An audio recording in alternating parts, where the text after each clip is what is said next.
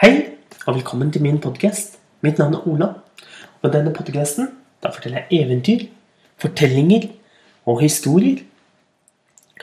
Og i dag, i dag skal jeg fortsette å fortelle om eh, om Nila kommer for sent. Serien om Nila som kommer for sent.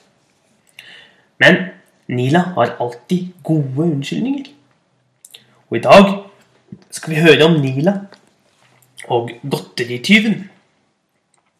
Nila, nå er du for sen igjen. Men mamma, jeg har en veldig god grunn, skjønner du.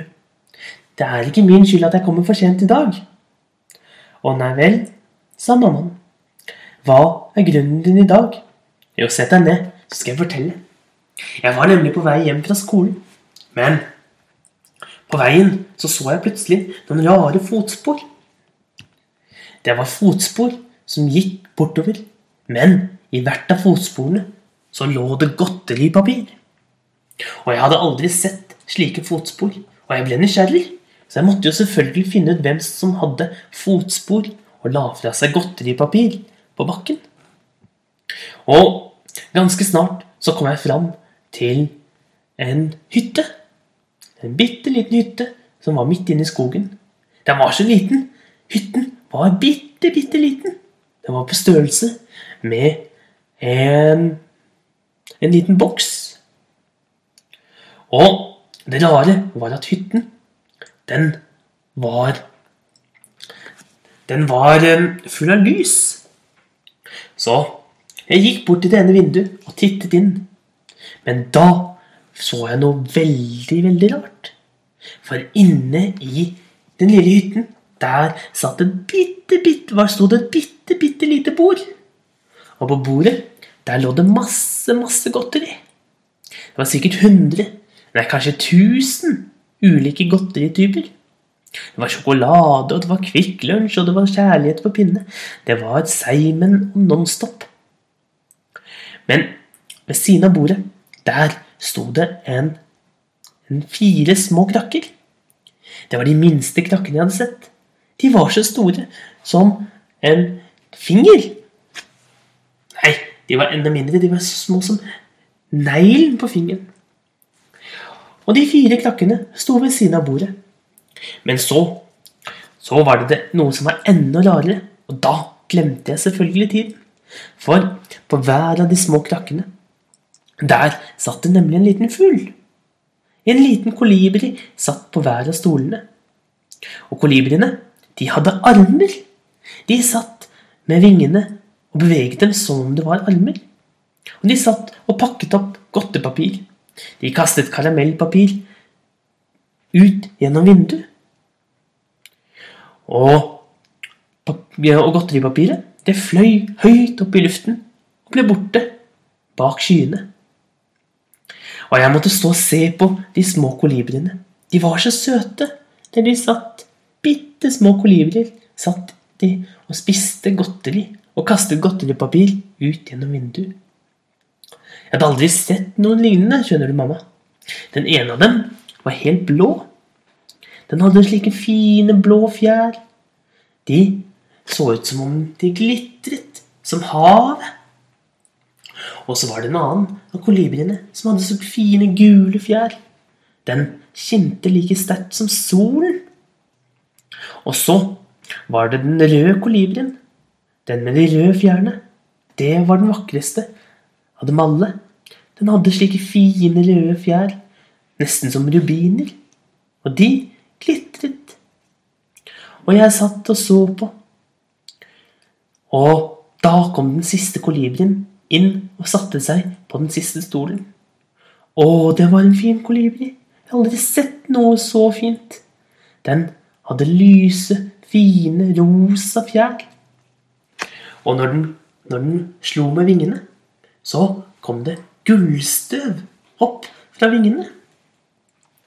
Og de fire kolibriene satt der inne og spiste godteri og kastet godtepapir ut gjennom vinduet. Og godtepapiret det fløy på magisk vis høyt, høyt opp i luften og forsvant langt bak trærne. Og jeg sto der og så og så på kolibriene som spiste godteri. Jeg klarte ikke å gå bort fra dem Og da glemte jeg helt tiden. Det må du skjønne, mamma.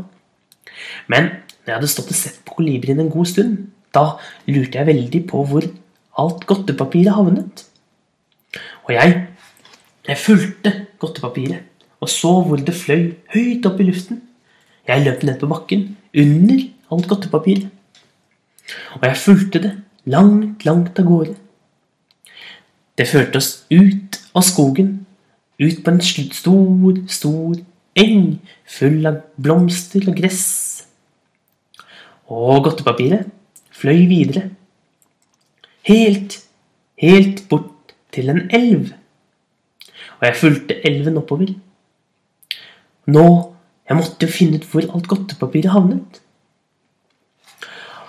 Da, da fikk jeg se noe kjemperart.